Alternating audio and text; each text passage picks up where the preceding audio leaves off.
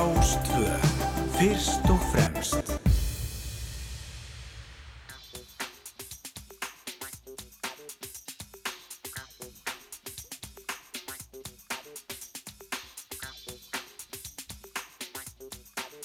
Komið í sæl og blessuð.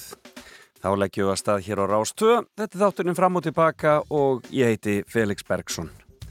Og það var indæl morgunin hér að leggja stað í morgunis höfuborginni. Við höldum áfram í þessum hlýjendum. Þetta er náttúrulega bara alveg stórfurðulegt veður. Enda e, þýðir þetta aukið afrensli og vatnavexti í ám og lækjum sem eigur hætt á flóðum og skriðuföllum eins og segir í hugleðingum veðurfræðings. Þannig að Farið nú varlega, hvar sem þið eruð og fylgist þið vel með veðrinu. Það ánum svona aðeins að kólna hjá okkur eftir því sem líður á vikuna, fyrr má nú vera. En eh, hvort að það held fer næri í bláu töluna, það verður bara komið ljós. Svona getur þetta verið hjá okkur stundum. En við hefum mikið þátt framöndan þennan morgunin. Ég lakka til að vera með ykkur og uh, gestum mínum við fáum hann í fimmuna hérna eftir smástundan Örvar, Örvar Þóreðarsson Smárasson, Rítvöfund og tónlistamann. Já, hann er nú svona verið þekktari sem tónlistamæður svona miskusti í mínum geirum en, en það er að koma frá hann bækur líka og nýlega komið smásagnasapt sem er algjörlega frábært og við ætlum að heyra fimmuna hans hér eftir smástund, það verður spennandi.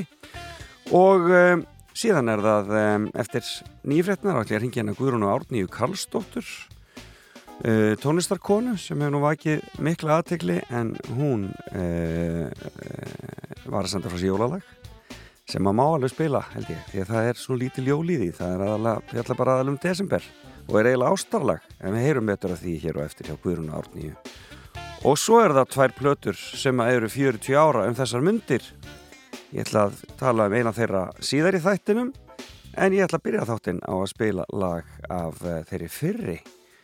Hún var 40 ári í vikunni og þetta er nú aldeilis plata sem átt eftir að hafa gríðarleg áhrif eins og allt sem Bubi Mortens snerti á sínum tíma. Já, í mynd plata Ego uh, var 40 ára og þar má meðal annars finna lægið uh, Fjöllin hafa vakað og uh, svo þetta lag hérna. Þetta er auðvitað meskalín og við skulum láta þetta vera fyrsta lægið í dag. Þetta, end, þetta eldist vel 40 ára gamalt. Gjör það svo vel Bubi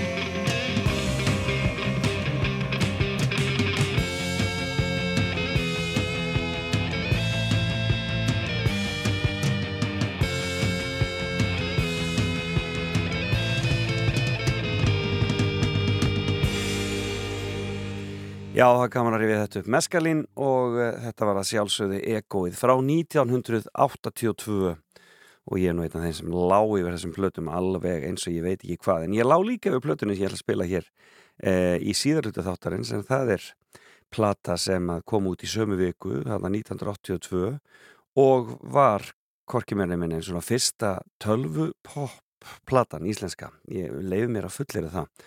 En látum það líka með til hluta þá getur kemur á því hér og eftir hvaða plata það er. En hún var líka hún, lá, hún var líka mikið á fónunum miskusti heimi á mér.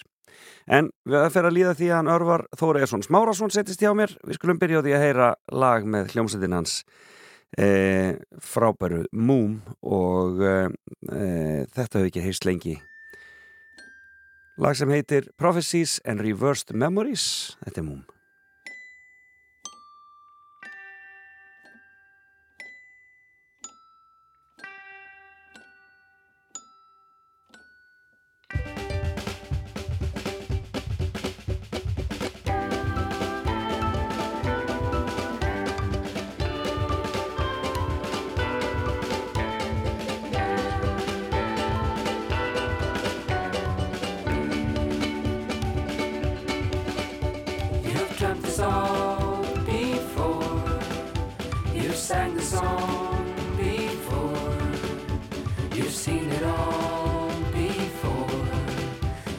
just a little bit.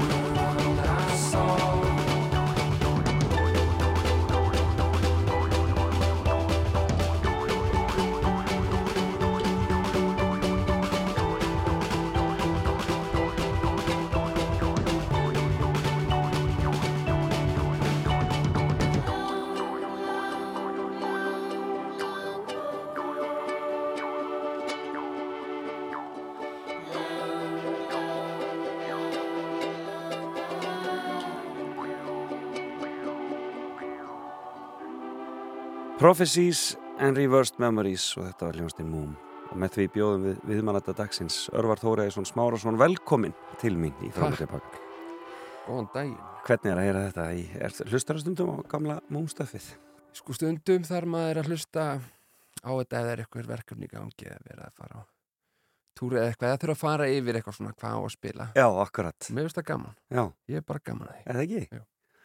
Er það ekki? Getur þú ekkert svona í, það það er ekki gæsa húð af, af vandraða heitum yfir því sem þið voruð að gera á yngri árum.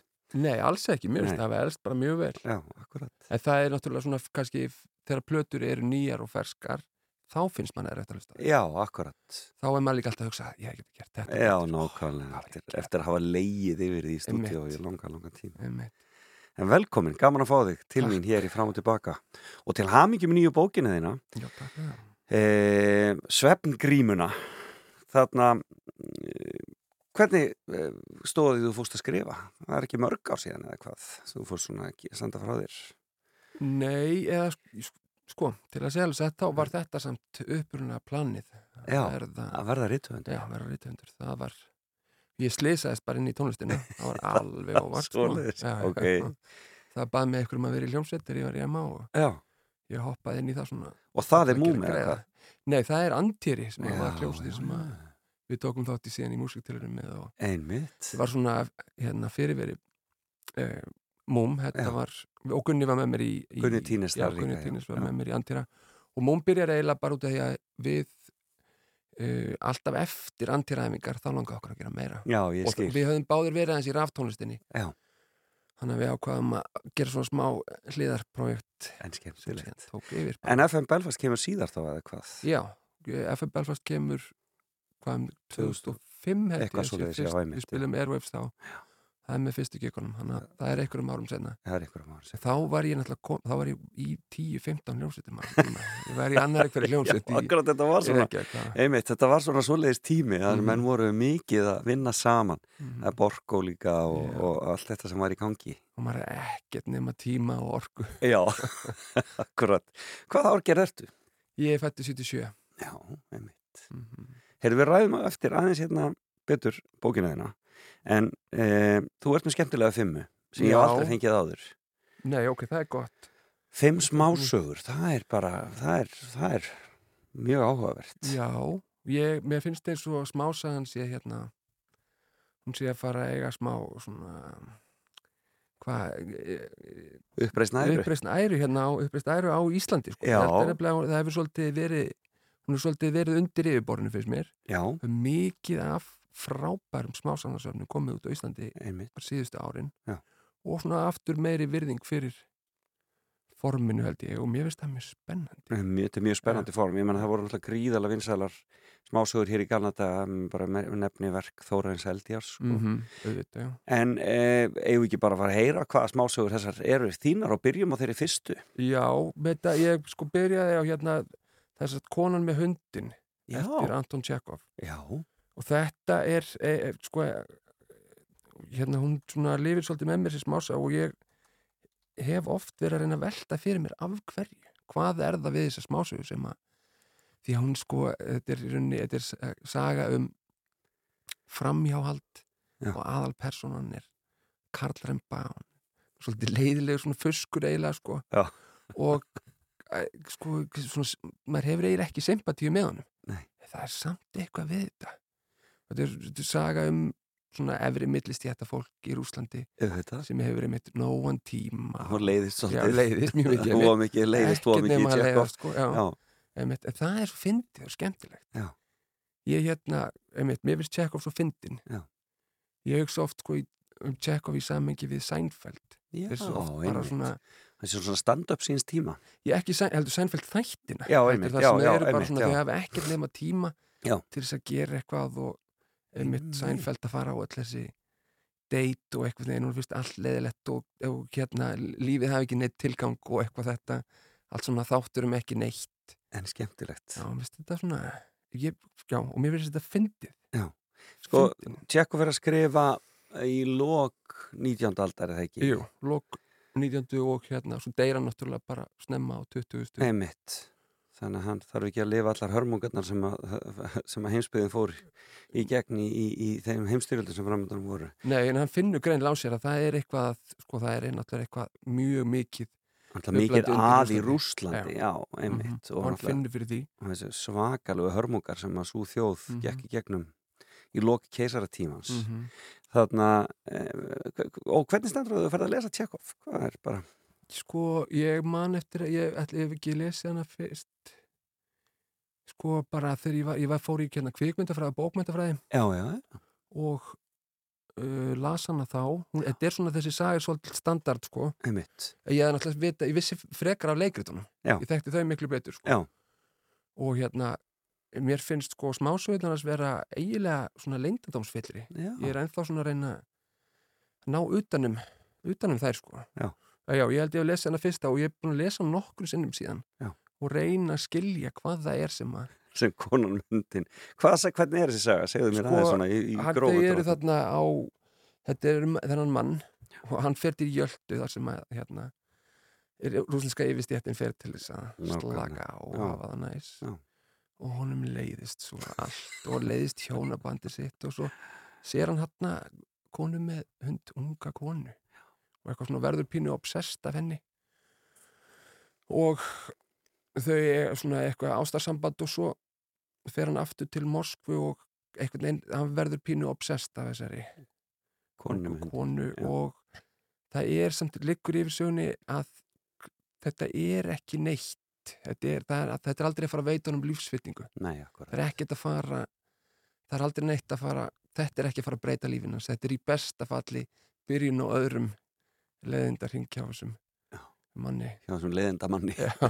En síðan er bara svo, en síðan koma á milli svo fallegar línur og svona, þegar að, og með þetta líka fallegt hvernig þessi persóna fær að vera svona erfið og leiðileg einstaka sinnum þegar hún situr og hugsa og vorkenni sér. Já. koma samt svona mjög svona skýrar og fallegar hugsanir út í því Já, akkurat. Það, já, það er, er líklega galdurinn eitthvað staðar þar sko Varstu alltaf sem krakki að lesa? Varstu lestrar hestur? ég las mjög mikið, las hægt Já. en mikið, Já, ok. mamma hérna var rosalegu lestræðstur Já, hún átt bækur svona, Mhm. hérna, fletti og svona leiti við síðunar og, að það nægði, hún var svoleiðis, já, og svoleiðis lesari. prjónaði og, og horfði á sjónvarpi á saman tíma og, Já, svona, með, alveg, og hún hérna, já, hún var sko uh, með meistaraprófi í ennskum bókmentum og Já. svona mikil svona, Bókmenta kona. mikil bókmentakona þannig að ég fekk það svolítið í gennum Þú hana fegst það. Og, og, Mm. og hvar bygguði í, í, í, í heiminum? uh, Við byggum aðalega bara í Reykjavík en Já. á tímabili í Bandaríkjanum þar sem Já. hún voru að læra Ok, í hérna í Maryland, í, ok. sett, rétt fyrir utan DC Manst eftir þeim tíma? Já, mann mjög vel eftir því Já, Ég man bæði hvað mér fannst magnað að koma ánga fyrst og hvað ég var fljótur að fá leið á þessu já. og síðan baði ég um að fá að flytja heim aftur Hvað ertu gaman? Fekk að búa hjá ömmu og afa þegar ég var nýjara Nýjára gaman. meðan mamma kláraði Já, því að hérna, mér fannst þetta svo leðilegt Þá var ég vanur allir alltaf út að leika já, já, auðvitað. og það, var ekki hægt. nei, það var ekki hægt. Nei, og það þótti bara skrítið sko.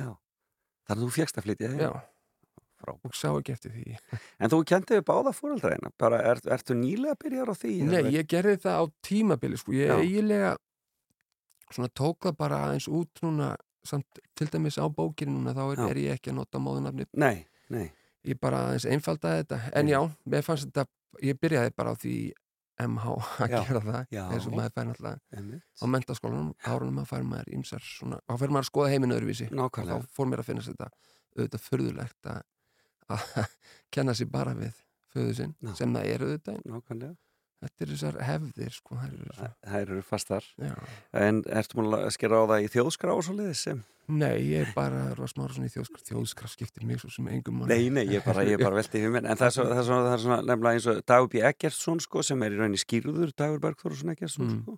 já, Þannig að það er svona, það er svona mismunandi hvernig það er. akkurat En þetta er svona krakkatina þinni kynslu sem eru byrja, þetta byrjar að koma. Já, einmitt.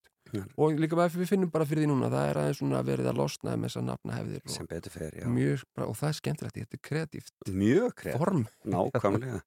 Jón Gunnar, kannski besta dæmið. Já. Eh, við erum komið konuna með hundin eftir Tjekko. Hver er næsta smásaga? Já, Örvar. sko, ég ætlaði að velja hérna eina frægustu smásögum svona bandarískar Já, bókmyndasögu The Lottery eftir Shirley Jackson. ok, Shirley Jackson. Já, hún hérna var töndur, Já, skrifaði nokkrar vinsalar sko hrollvekjusmásögur já, hérna The Haunting of Hill House meðal hans er líklega frægust. En hún hérna þessi smásaga The Lottery hún kemur út 1948 mm og ég, hérna veldur fjadrafóki Hvers vegna það? Því að hérna hún er sko, það er, hún er mjög ofbeldisfull á svona erfiðan hátt. Þessi, þessi hérna saga fjallar um smábæ, 300 manna smábæ í bandaríkjunum og það er löng hefði í þessum smábæ það er alltaf lottó, hattrætti á hverju ári.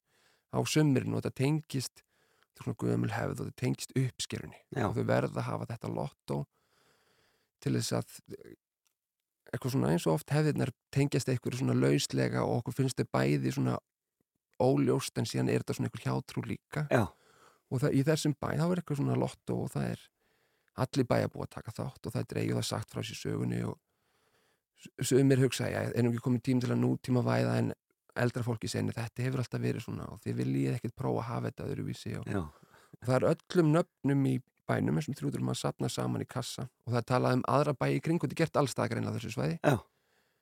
svo hérna er koma allir saman og síðan er dregin nöfn og kassan fyrst er dregin fjölskylda svo er tekin annar kassi og sett öll nöfnin úr fjölskyldinni og hérna inn í þennan kassa og svo dregið hver úr fjölskyldinni kemur upp úr kassanum og svo er þessi manneskja grýtt til bana allir Já. bæjarbúar taka stein og þetta er eitthvað sem þið gera einu sinni á ári. Og að- sagan enda bara þarna sko. Ég hef hýrt af þessari sögu. Og það er kannski ekki skrítið hún hafi Vakið, óhugja fólki. Nei, og einmitt hún byrtist í mann ekki hvað hérna dagblæða tímari til hún kemur fyrst út eins og smásur gerðu og gera mjög mikið í bandaríkjanum náttúrulega. Þetta er svona uh, form þetta koma út í blöðum og svo er þessu safnað saman. Já. og já, einmitt mikið af brefum sem komum til þess að mótmæla þessu og segja upp áskriftum og Akkurat En þetta er svo mögnu saga, þetta er svo mögnu hugmynd bara og þetta, En og ég menna hefur, er tilfinningin og með þú lest söguna þetta sé það sem að lotterið gengur út á? nei, ekki, ekki svona, ekki þegar þú lest hann í fyrsta skipti. Nei, En það þú finnur að það er eitthvað, einmitt, það er eitthvað undir, undir hérna, undir yfirborðinu sem er grömmand undir. Og e, þegar þú lest hann aftur, þá fer maður að sjá hana að þetta allt er vissi. já, Og þetta er svona að skoða hvernig ábeldi er líka bara tengt inn í bara þessar íhjald sem við hefðir okkar, sko. já, akkurat Og fórnina, hugmyndinum fórnina. Nákvæmlega, mjög magnað, mjög Mhm. magnað fyrirbreyði. Mjög magnað fyrirbreyði mhm. Úf, já, maður fæði ég bara bú Þarna. Og hvernig lastu þessa? Þessa las ég bara einmitt eitthvað tímann samt e, fyrst í kringum tvítugt eða eitthvað og svo aftur og svo aftur. Og aftur. Þetta er einar sögum sem kemur bara reglulega upp sko.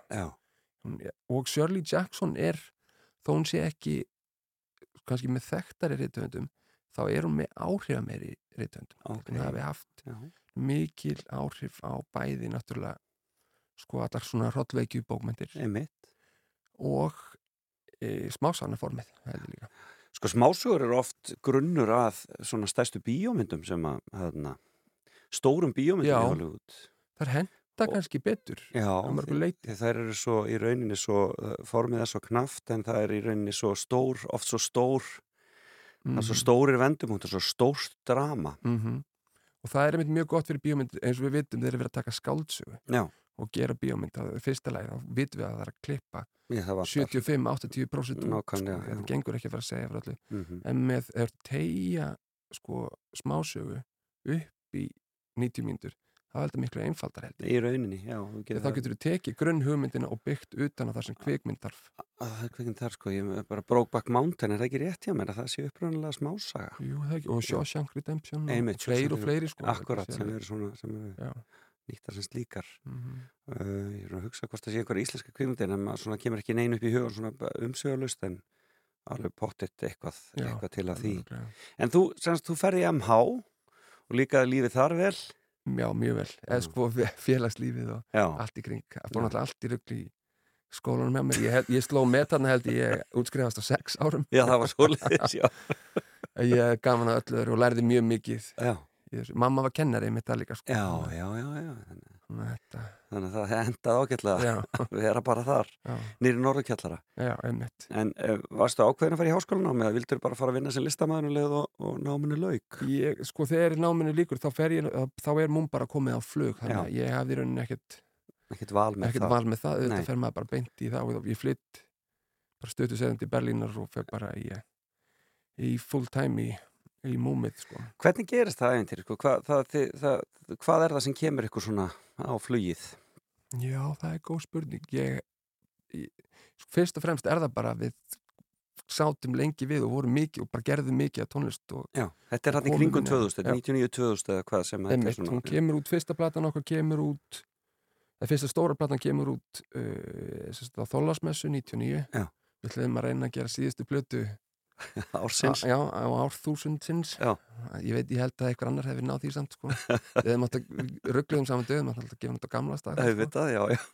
við vorum búin að gefa nokkra smáskjur fyrir það og já, þannig kringum 2000 og hún kom það út á Thule Records sem var í mikilli var á mikilli sigling Og mikilvæg útrás. mm og það hjálpaði svo voru, bara voru við stuttu setna komin til Fat Cat í, á Englandi sem að Sigur Ós voru líka hjá Þannig að þið voru farin að spila og farin að spila bara mikið og, og ferðast mikið með Mhm. tónlistin ykkar. mm Ske- Og hvernig líkaði þér það líf?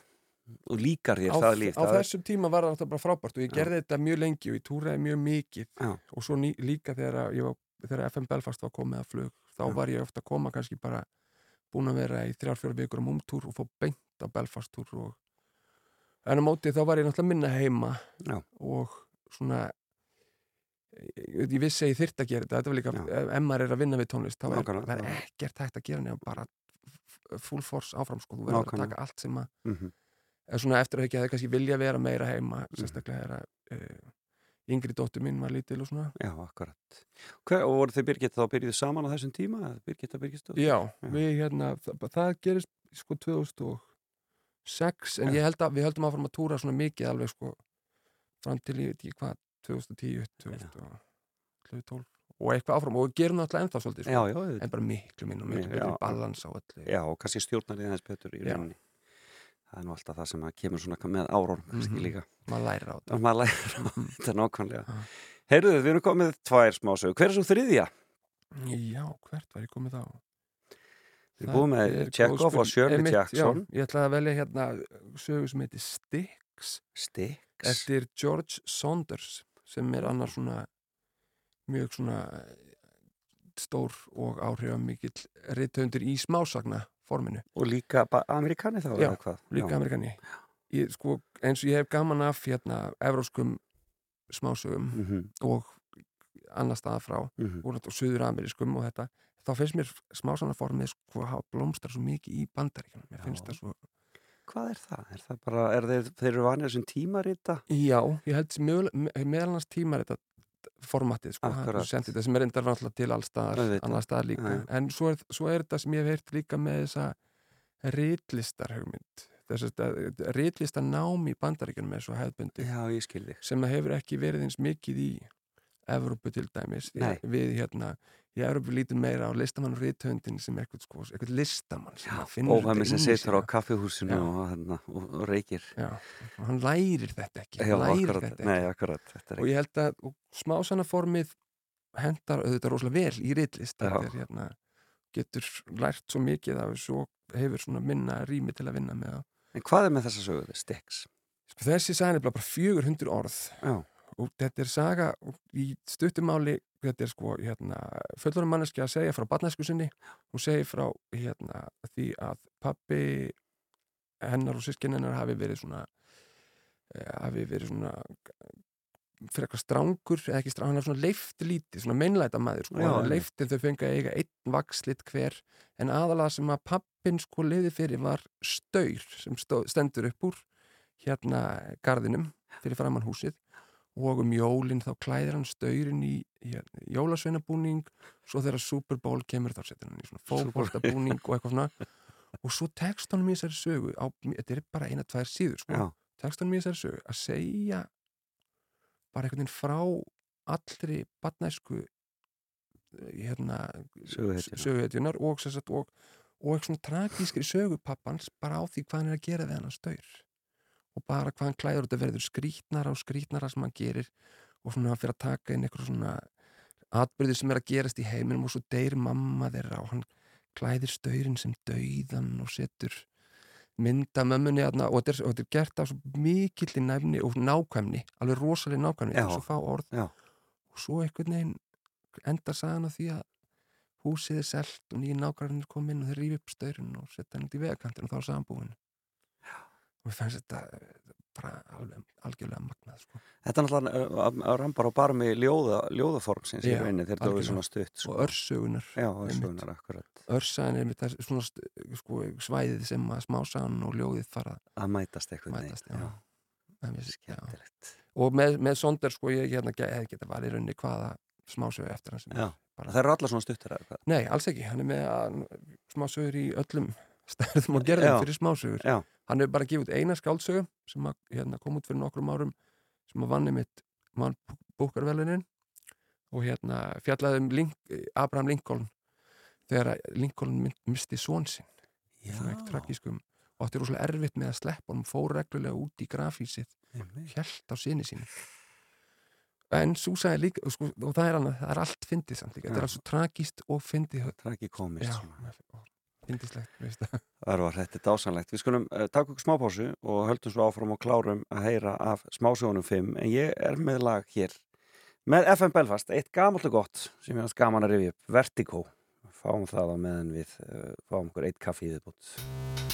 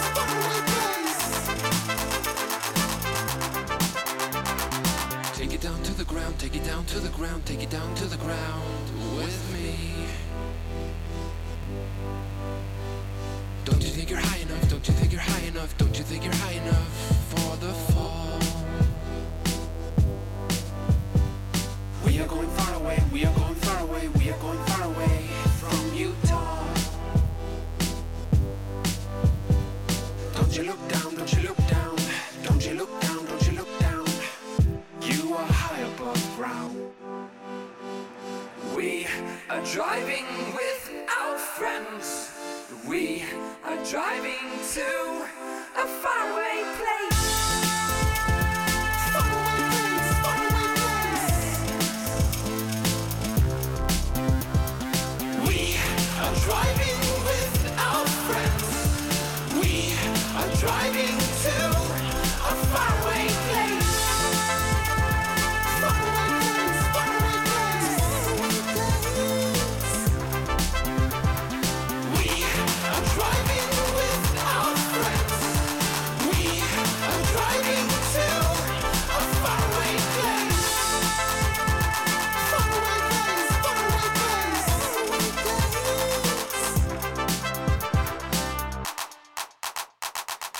Þannig hljómaði það, Vertigo, þetta voru auðvitað FM Belfast. Og um, já, það, ef þið hafði ekki lent á tónleikum með því ágæta bandi þá ætti það að fara að gera eitthvað í því, hvað og hverju en Mm, þarna, Við ætlum að fara að gera eitthvað í því. Já, þið þurfum líka að fara að gera eitthvað. Hva, hvernig er það, er, er, er ekkert í gangi hjá FM Belfast þess dagana? Það er alltaf eitthvað í gangi. Já. en það er lítið. En þið hefði ekkert hæ, það er ekkert, hún hljónstan ekkert hæ Nei, nei, nei, maður hættir ekki hljómsveitir er ekki að hætta. Nei, Það á eiga ekki ekki rétt, sko. hætt, það er alveg hárétt þá þurfa þær að koma saman aftur Já. það er vandra Það er vandraðar Nei, við erum ekki hætt og þetta er allt bara þetta tekur sinn tíma Já. og þetta En þið voruð ekki örfið fyrir ár. Nei, Var það ekki svolítið ekki- erfitt fyrir alla? Það er, hvað, er þetta ekki orðið nokkur ár sinni? Hafið þið ekki verið jú, það er, við vorum alveg bara sko með fast lokaslottið alltaf á En bara stórkostlegasta Já. gig bara, ég held ég að fyrir tvissar fór ég nú ekki ofta erfis en tvissar á minnskast að sjá FM Belfast í lokin og það er náttúrulega ömbi, það var alveg alltaf- á, á NASA í, í, í hólunni þar sko. kekja á nas alltaf. En sko er bara líka fínt að það hefði náttúrulega bara orðið vandrarætt ef við, við hefðum alltaf haft loka gengið á Já, Airways, þannig að Já, það er fínt að brjóta það upp. Nákvæmlega, já, já. Og svo bara, við sjáum þetta kemur í ljós hvað gerist, en ég lofa að það verður eitthvað. Það er alveg rutt Skemmtileg hljómsett. En við erum ekki að tala um tónlistina núna, við erum að tala um smásögurnar og erum í fimmuniðinni og áður en við komum að smásagnasamlinn þínu þá skulum við klára með skusti fimmuna þína Mhm. og við eigum fjórðu bókina, nei, fyrir söguna inni, búið með Chekhov, Shirley Jackson og George, George, George Saund- Saunders. mm -hmm. Hver er sá fjórði eða svo fjórða? e, sko, e, ég valdi þetta þannig bara að ég tók bara fyrstu fimm sögurnar sem poppuðu upp í mér, það er eru eftirminnilegar Já, og það eru ákveðt að treysta því bara nákvæmlega. og þetta er satt saga eftir uh, konu sem heitir Miranda July hún er leikona og kvikmyndagerðakona ég er svo sem ekki séð neina myndir eftir hana en lesið skáldsögun hennar og þetta smásannasap sem hún gátt fyrir nokkrum árum sem heitir hvað heitir það? No one belongs here more than you Já. og eh, sagan sem stendur einhvern veginn eftir í haustum á mér er þetta er svolítið svona þetta er svolítið förður sögur hjá, hjá henni. Mér finnst það skemmtilegt, þetta er ekki sögur fyrir allra ég held já, þetta er svona kannski sögur sem að getur verið fráhrindandi fyrir einhverja, sérstaklega þá sem vilja bara svona beint út raunsægi en þetta er saga um það er kona sem er að segja fyrirverandi kærastin sínum frá tímabili lífi sínu sem hún vildi aldrei segja frá þegar þið voru saman.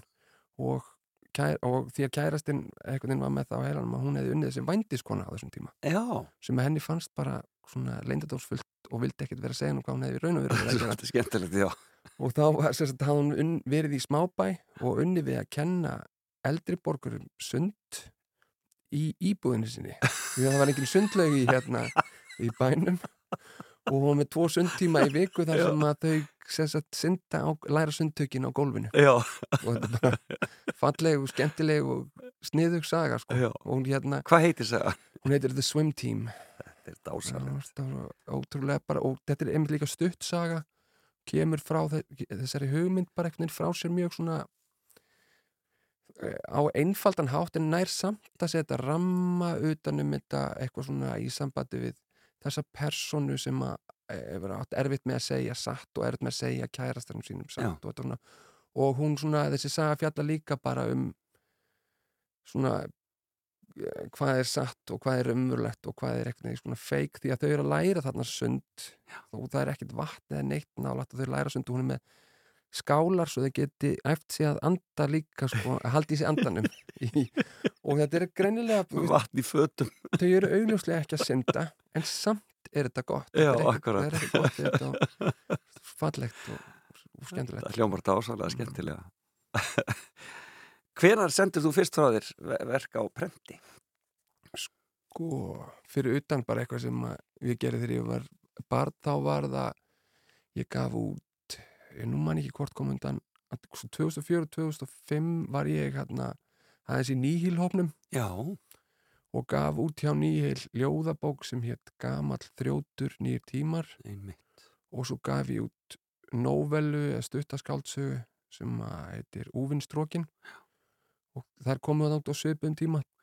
2005 ætli það ekki. Já. og uh, Úvinnstrókin var síðan þýtti yfir á ítölsku og, og gekk eiginlega betur þannig sko því að En skemmtilegt. fór, fór nokkur sem til Ítalíu til þess að kynna hana og það var Já. rosalega gaman sko. Já, já. hún hefur greinlega virkað betur á Ég það er náttúrulega mikið bókmynda land í Ítalía. alveg svakalega. Það og gaman að vera stór. höfundur þar. Já, allt öðruvísi. Borun á höndum og svona. Já, það var verið að keira með mann allt og gefa manni já, að borða og drekka og, og kynna mann og svona annað heldur en hérna sem að fóra á akkurat, og kemur með ljóð bó- bókin í þrjá. bónuspoka og, Já. það er eins og það er Mm. en þarna, en uh, þú verður ekki tónlistin hefur verið það sterk í þínu lífi að þú verður ekki geta bara hendir alveg Nei, ég, ég reyndi nokk sem ég ætlaði alltaf að reyna og þetta er búið Mm. að vera alveg svona sko, ég fór í ég, sko, 2005 fór ég í hérna, handritaskrefnám í Mhm.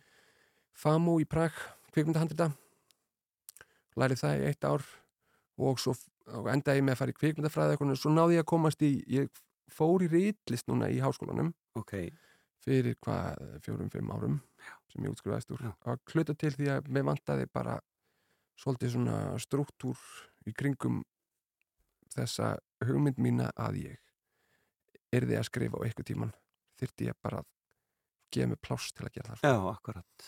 Þannig að þú, og nú er það pláss og Já. það myndast. Og það virkaði. Ég hérna st- stundu þegar maður fær svona hugmyndir og ætlar að eitthvað, fara eitthvað og til þess að láta eitthvað sköpun gerast Já. þá virkar það auðvitað ekkert alltaf en Nei, nei. þetta 100% gekk fyrir mig að fara í rillistina og ég náði að koma út svo mikið af hlutum sem að ég sem að hefðu annars bara orðið eftir í annarkvort í haustum á mér eða í tölvunni sko. En ertu agaður? Getur þú sest niður og unnið í átta tíma? í sko máli er að ég hérna er með rosa, rosalega mikið ADHD sko, og hluti af því að takast á við það hefur verið að koma skipulagi á vinnu. Þannig að ég er svona ég get verið, með, ég get verið svona obsessífur í vinnu Já, ég sem að getur virkað eins og ægi. Já.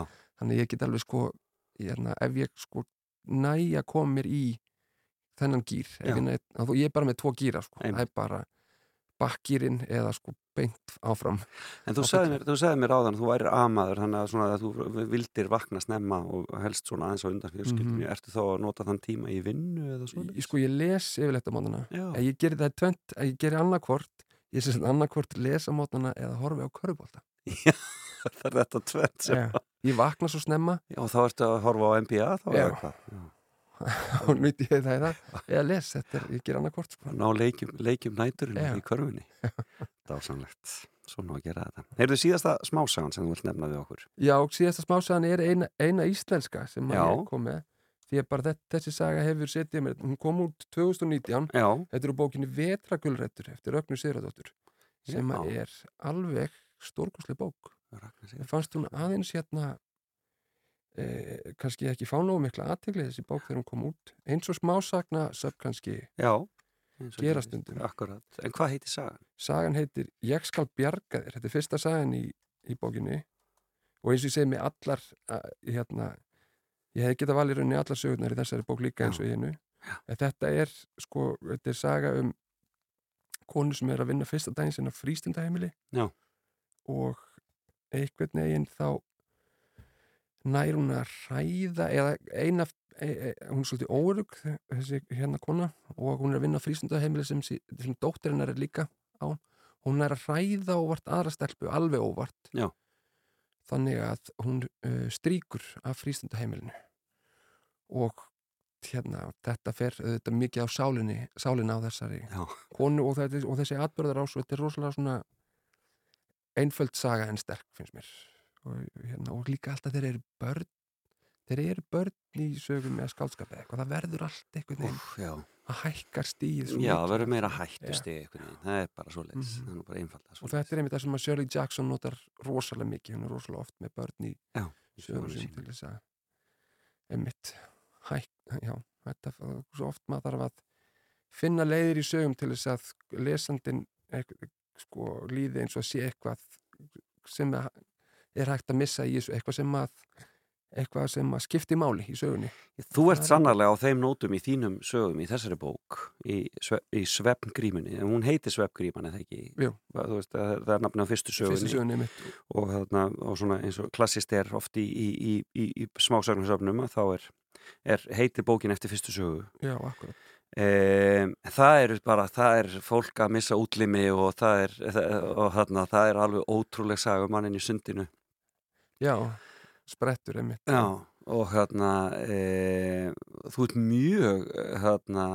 þú ert gríðarlega hugmyndaríkur og finnst gaman að setja þig í spór e, söguheitunin eru á öllum öllum aldrei af öllum kynjum og hérna, allskins manneskjur. Já, einmitt, það er eitthvað skemmtilegt sem að mér finnst einmitt við líka við smásögurnar að ég fæ sko fleiri personur til þess að fara alveg inn í út af það er það sem að hjálpa mér líka að skrifa er að Já. algjör innlifin, að Já. komast alveg inn í inn í personunar Já, og þessar allar sögurnar í þessari bók eru skrifuð þann, skrifaðar þannig sko.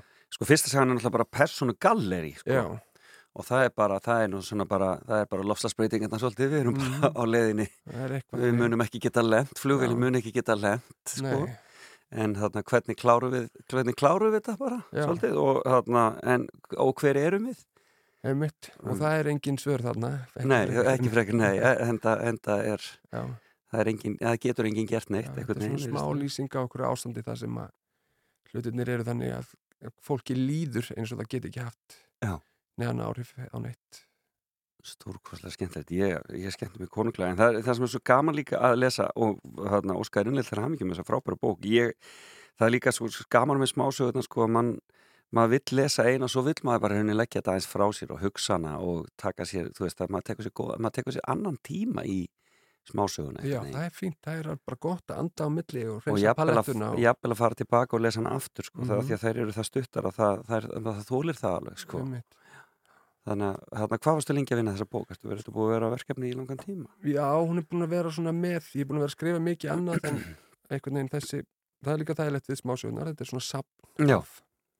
Af, hlutum, þannig að hún, það, það þarf ekki að skrifa hann í einum rík En ertu með þema í huga þegar þú leggur að stað með svona, svona safn? Er eitthvað sérstætt Nei, alls ekki, það bara kemur einhvern veginn eftir á og ég eins og ég hugsa með plötur Já. þegar ég heyri þær fimm eða tíu árum senna þá pínu næ ég Það var að gera fattar í hvað þessum plötum. konseptið var, Já. já. og ég er svona vonað að það sé sama með þetta þegar Já. ég lesi þetta ekkert í mann setna, Já. þá allt í einu ná í þessu, hvað þetta er sko. En það er, ég held að sé, bara allar fyrir mig er það mikilvægt að vera ekki að festa sig í svoleiðis hlutum heldur leifi þessu að koma. Og, svo, og bara vinna mikið í þessu og meitt þetta og láta þetta verða því sem það verður sko. Ertu útskrifaður úr rillistinni? Já. Gerði þau mistök að útskrifast. Já, þetta er svo gott nám Svo gaman, þig langar bara að vera í þessu. akkurat. En þarna, til, innilega til hamingi með svefgrímuna, þetta er frábært. Og verður eitthvað á ferðinni að lesa og kynna á næstunni? já, það fylgir þessu víst sko.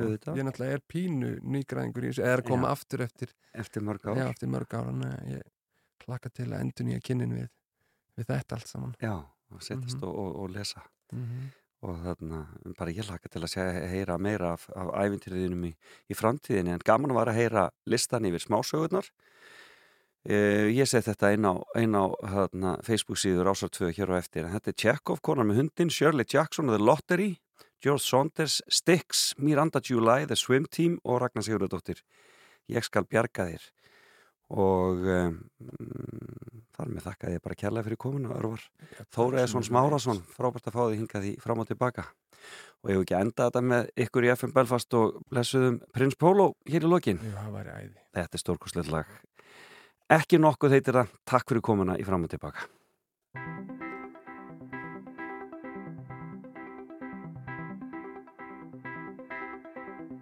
Það er alltaf nótt, er ég lít út um balsettan gluggan Veturinn kom á fljótt og ég sé ekkert nema skugga En ég sé þó að með hækkandi hitast í jarðar Felast aukinn sókna færi fyrir íbúa fáskrús fjarðar Því hvað hafa börnin okkar svo sem gert fyrir okkur? Ekki nokkur. Hvað hafa börnin okkar svo sem gert fyrir okkur? Ekki nokkur.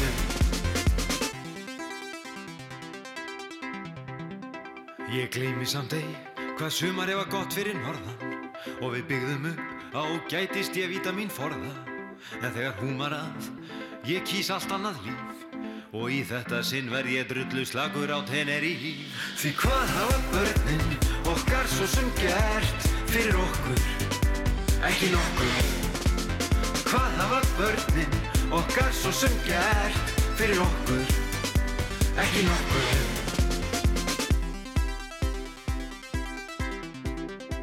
Ég hef litla trú á sparsemi og endurvinnslu. Mér finnst skipta meira mála þegar almennilega geimslu Fyrir allt mitt út, sérstaklega þennan jeppa Sem að eyðir yngu nema þegar ég þarf að skreppa. Því hvað hafa börnin okkar svo sem gert fyrir okkur, ekki nokkur. Því hvað hafa börnin okkar svo sem gert fyrir okkur, ekki nokkur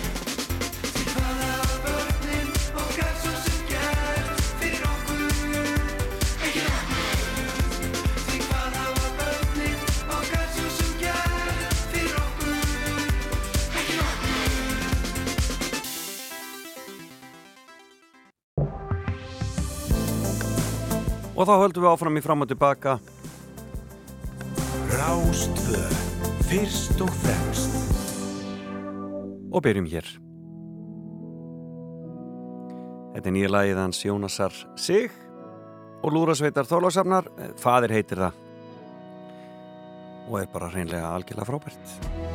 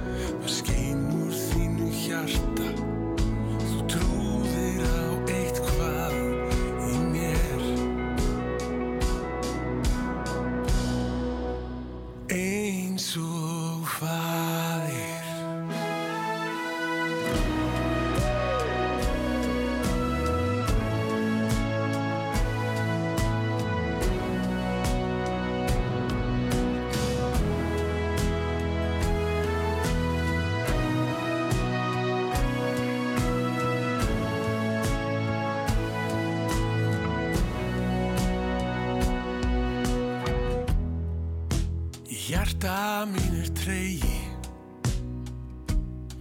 Ég vil halda fast í allt eins og það er. Og á sumar björtum degi.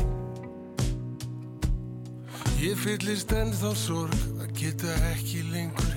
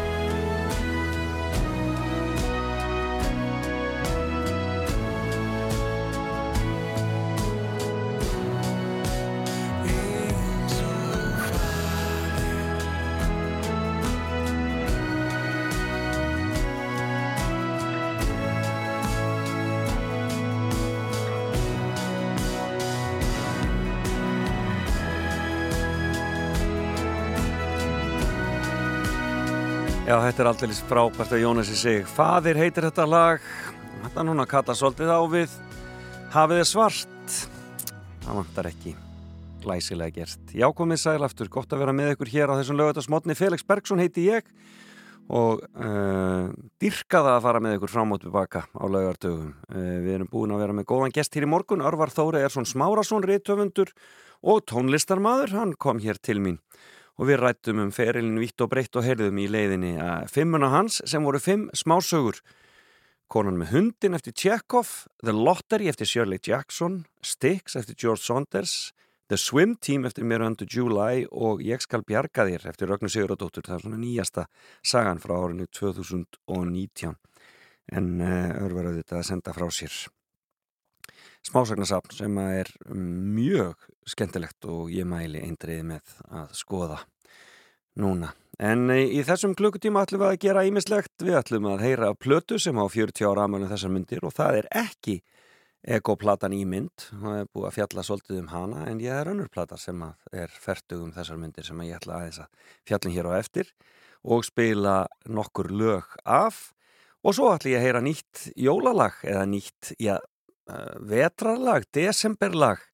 Við ætlum að heyri henni Guður, Guðrúnu Ární, Árníu Karlsdóttur hér eftir smástund. Og svo er þetta bara tónlistinn og þetta er auðvitað Június Mimand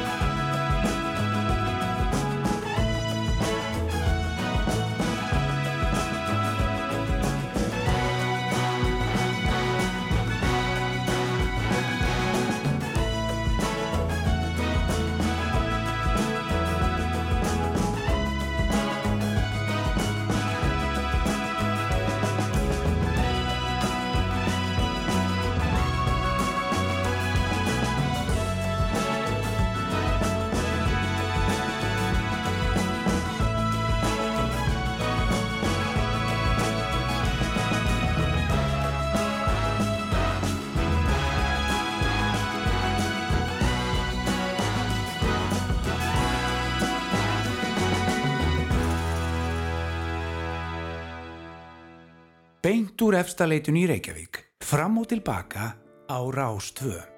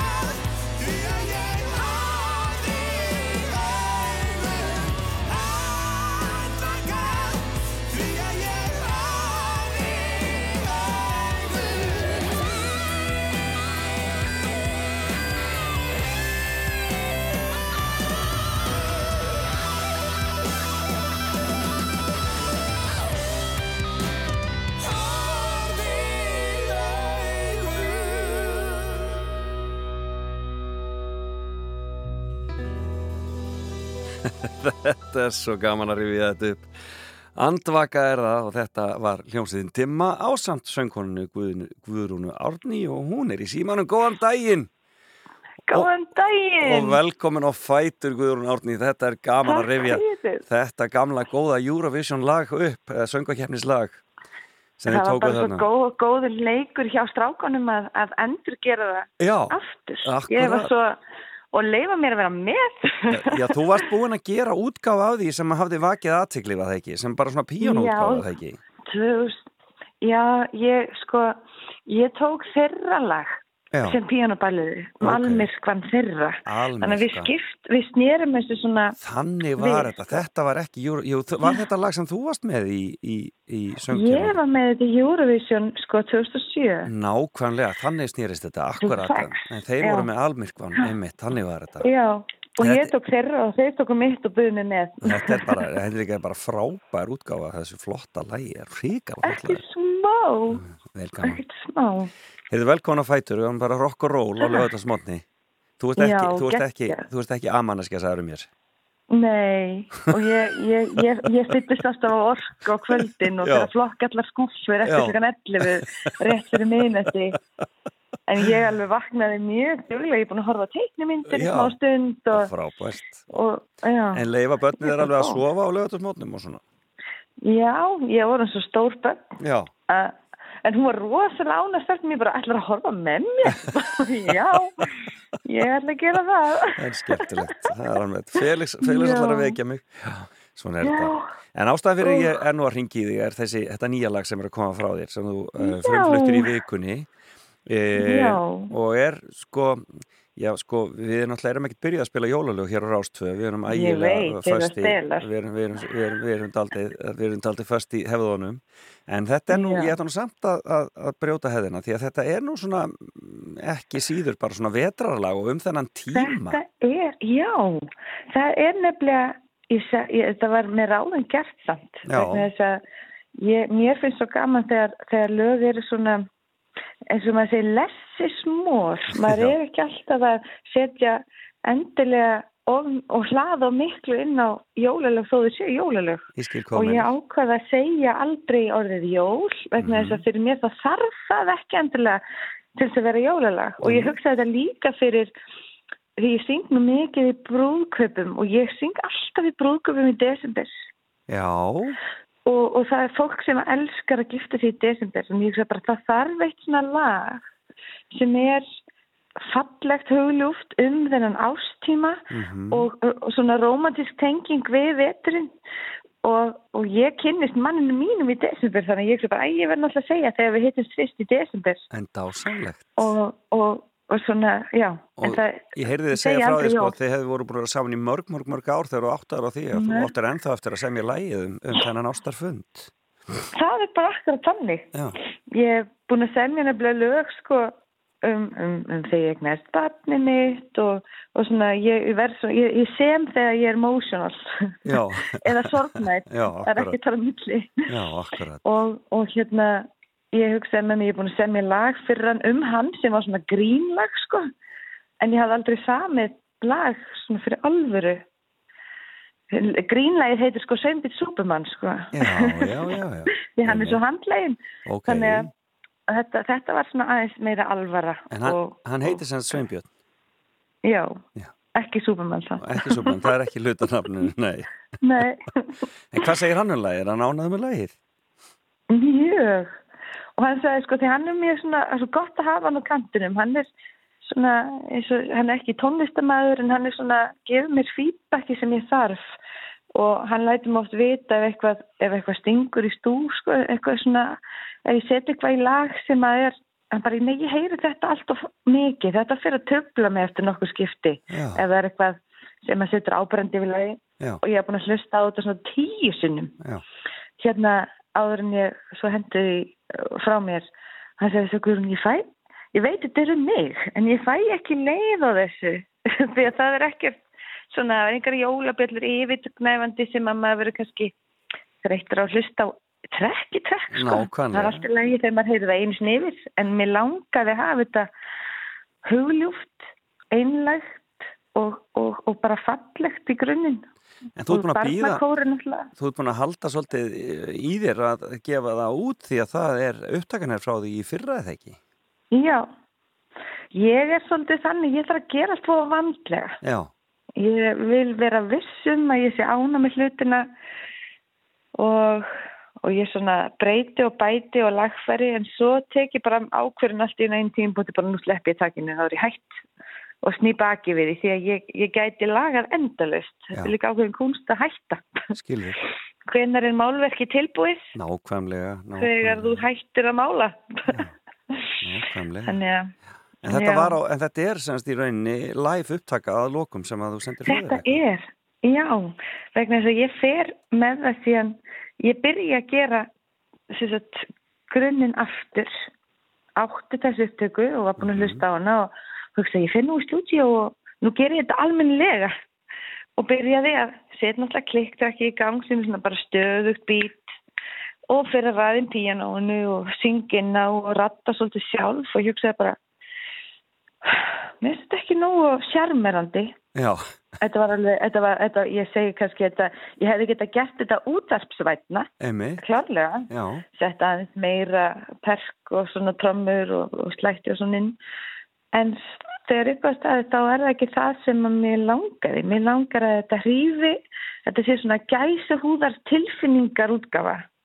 Og þegar barnakórin kemur inn þá svona, maður finnir það það, hann, hann grýpur í alla hljómsveitina og alla því að maður, maður, maður rekur ekki eftir 50 krökkum. Sko. nei, nei, nei, nei. Og- bara og, og mamma mín mamma mín hlustaði á þetta og sagði Guðrún, þetta er fullkomið, viltu ekki gera neitt við þetta. Já, og ég bara það er rétt, það er svo rétt hjá þér Maður á að hlusta á mömmu vera það er nefnilega þannig maður á að hlusta á mömmu sína Heyrðu þessi nýji ferillin, Guðrún Árný, að uh, stjórna fjöldasöng.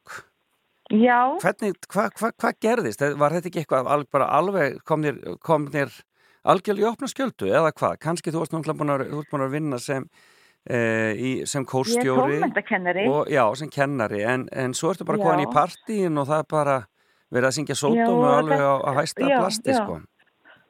þetta er nefnilega ég hef yfirleitt reynt ef ég er að syngja einhver falli lög og svona það hef ég reynd að hvetja fólk þegar það byrjar að syngja að ó, er þið söngfólk? Og dregða með þetta náttúrulega í, í grunninn eintóm kvatvísi hjá mér Já, sem þetta byrjar. Að bara ef einhver syngur það get ég ekki hugsað mér að, að hann njóti sín ekki. Já. þannig að þetta vatt svolítið bara upp á sig.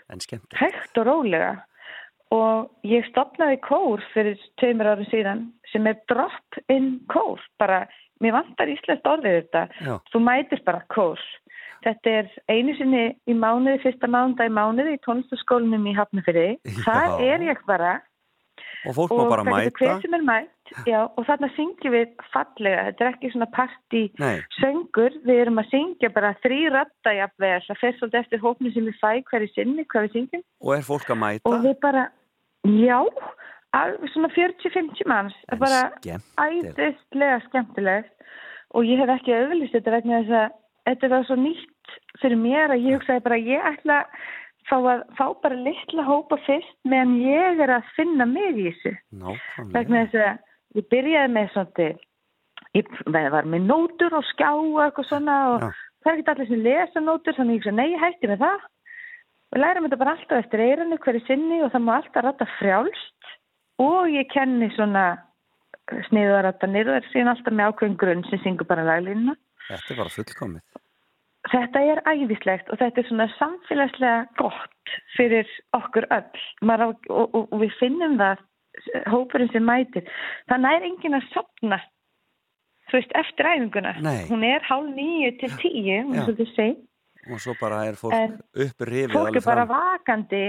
Já, því að, því að þetta er svona adrenalín og, og bara endorfín og maður bara lifnar einhvern veginn við að því að syngja saman. Það, það, það gerir svo gott, það gerir manni gott. Það er sannlegt. Og það verður og ekki, þetta það er, mun ég ekki, ætla að halda þessu áfram. Já, alltaf fyrsta mánudag, tónlistaskólanum í? Hafnarfirði, já.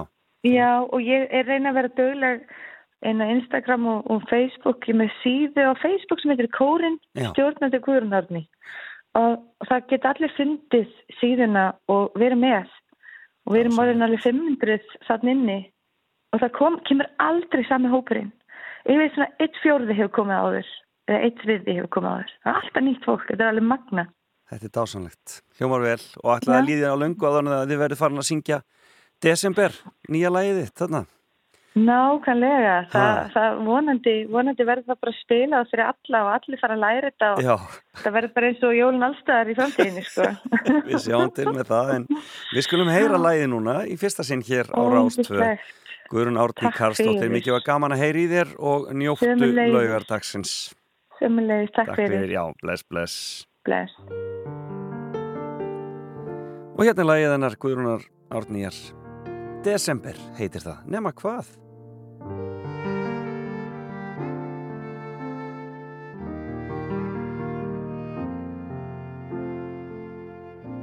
Svo óralangt síðan En eins og gerst hafi í gær Svo margt brasa saman.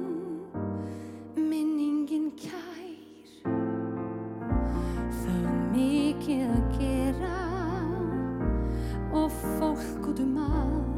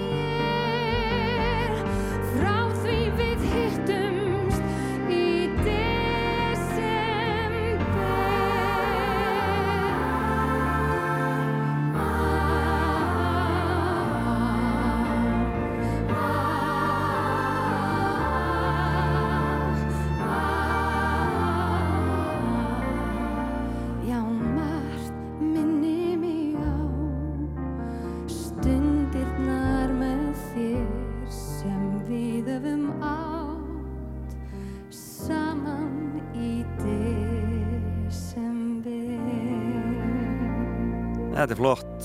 Guðrún Árný Karlsdóttir hérna og nýja lagi þennar sem heitir Desember og þess má geta að hún verður með jólatónleika 11. desember í Víðistæðakirkju í Hafnafyrði. En þar var þetta lag einmitt tekið upp. Þannig að um að gera að skella sér á tónleika fyrir jólin. En hér eftir auglýsingar þá ætla ég að tekka þessari plötu sem ég er búin að vera að hita upp í í þættinum sem á 40 ára ammæli um þessar myndir og það er ekki ekoplatan í mynd. Nú verður það að býða róleg. Rást 2. Fyrst og fremst í íslenskri tónlist.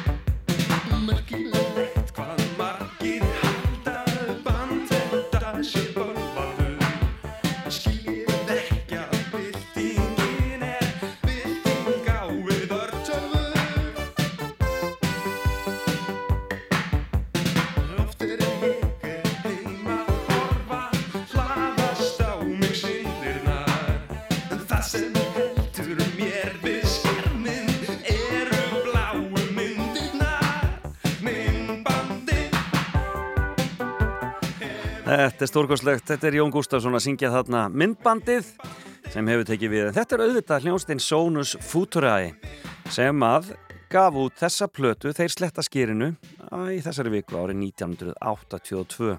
Sexlaga plata sem að gekk minnstu kosti alveg rosalega heima hjá mér. Eh, algjörlega frábær plata og í rauninni fyrsta eh, svona íslenska hreinrækta tölvu pop platan E, og e, þetta voru strákar af Seltjartanesi sem að stopna þessa hljónsveit Kristinn Únar Þórisson, Þorstein Jónsson og Jón Gustafsson e, og e, platan kemur þarna og þeir vöktu strax heilmikla aðtegli, voru allir í MR og fóru að spila á fullu og nafnið náttúrulega svolítið sérstakt hljómur framtíðarinnar, Sonus Futura E en e, oft ruggluðist menn og sögðu bara settu þetta yfir á ennsku og sögðu Sonus Future sem eru auðvitað ránt en menn náttúrulega góðir í latininu í MR nema hvað. En eins og ég sagði þetta var sexlega plata og það var þetta lag og svo uh, skýr með rjóma sem vöktu hvað mest aðtikli en það voru fleiri lög á þessari plötu. Til dæmis uh, Laser og svo uh, lag sem heitir Samstaða og svo auðvitað verða að vera eitt lag sem heitir Sætarstelpur þegar maður er í MR þá verður að vera eitt svoleiðis lag. Og svo var þetta lag hérna sem vakti aðtikli mína mjög á þessum tíma Eh, lag sem heitir Samtök 69 og þarna spila Kristinn Svavarsson á saxofón í laginu. Og um, já, þetta er svolítið sérstakt en viðlagið var eitthvað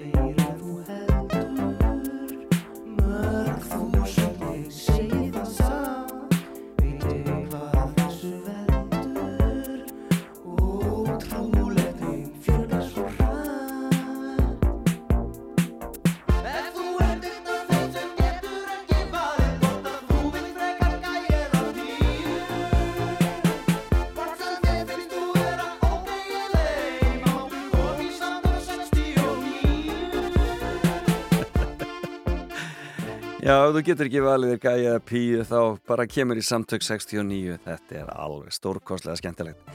Um, Já, þú getur ekki ákveðu hvort þú vilt frekar gæja píu þannig var þetta.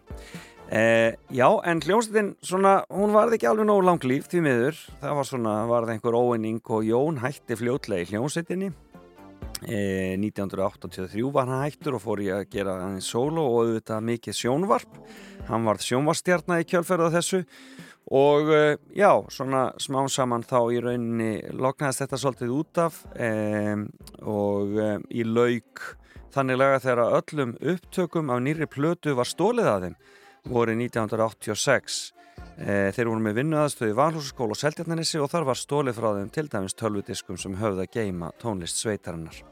En síðasta sem heyrðist frá þeim var lag sem kom e, e, árið 1987 á saplutinni Vímulaus Æska lag sem heitir Geðu mér gaum En þeir hafa náttúrulega farið og gert ímislegt. Uh, Jón Gustafsson uh, í kvikmyndónum, uh, Þorstein var viðlóðandi tónlist, ég veit ekki alveg hvað hann er að gera í dag en hann minnskosti var hérna, aðeins í ímsum hljómsettum, til dæmis með Geira Sæm og öðrum.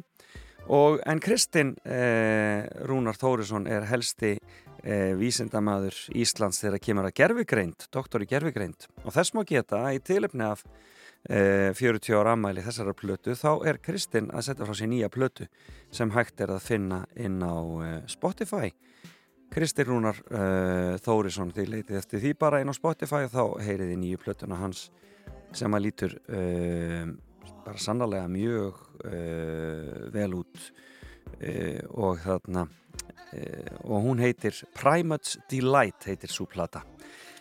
En við skulum enda þetta á að heyra já kannski stóra smellina þessari plötu sem var ekki samtök 69 heldur þetta hérna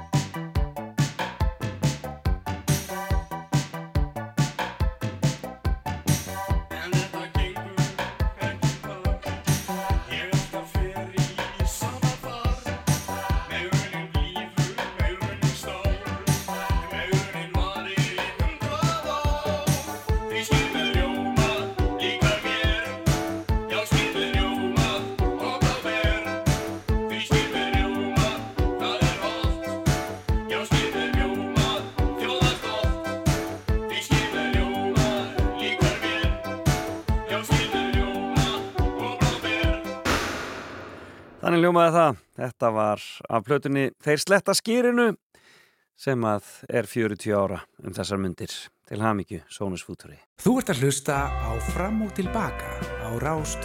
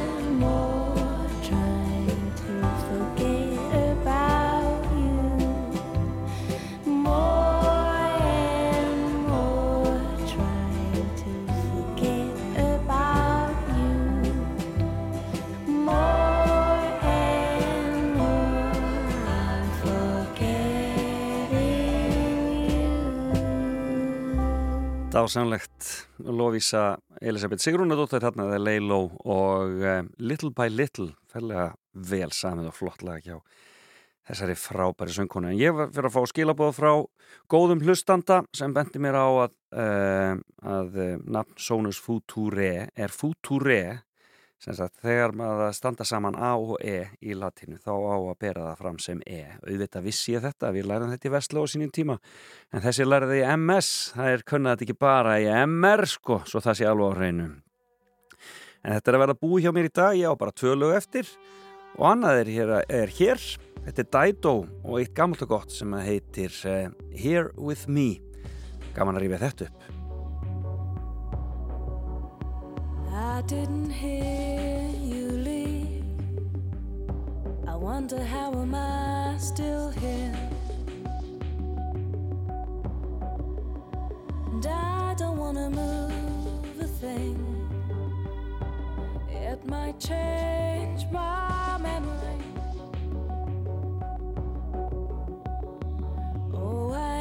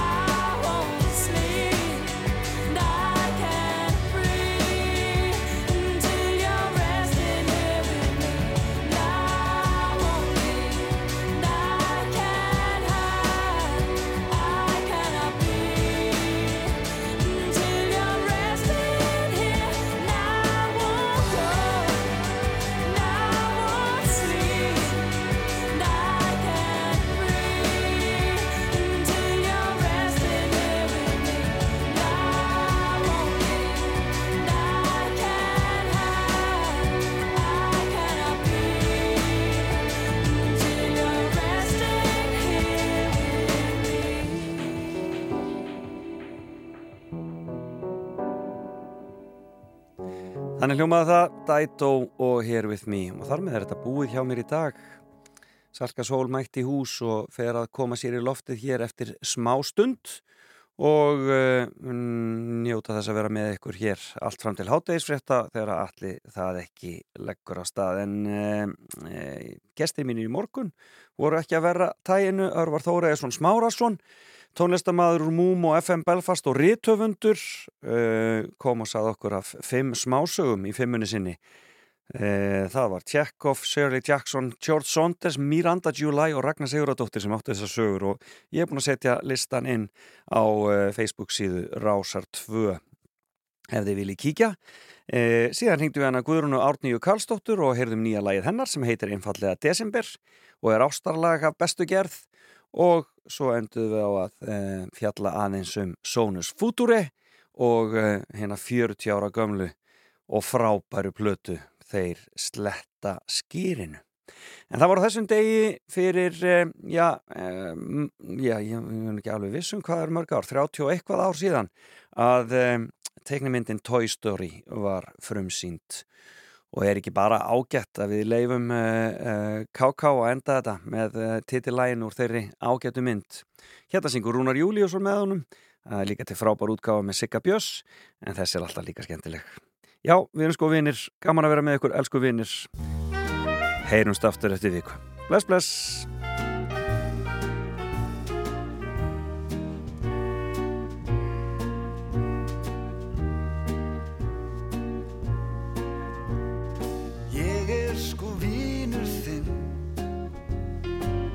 Lámesti vínur þinn Gangi ítla fyrir þér Allt á skakk og skjön Hvert sem lítið er.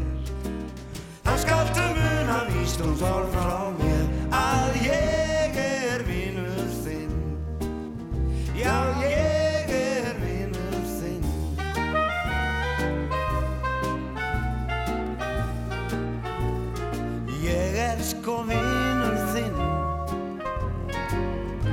Langbesti vinur þinn. Mér leiðist margt sama segi ég. Já, tilveran er ekki alltaf dásamleg. Það skaltu muna vístóms orð frá mér Að ég er vinur þinn. Já, ég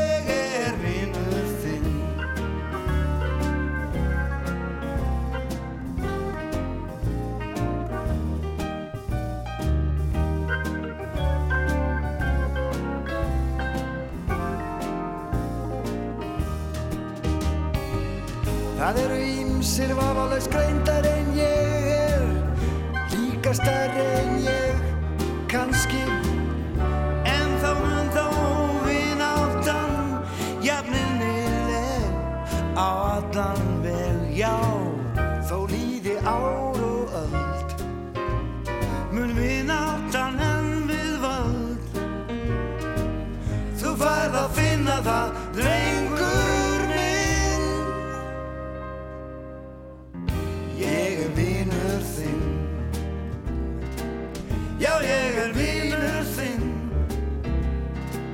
vinur þinn Albesti vinur þinn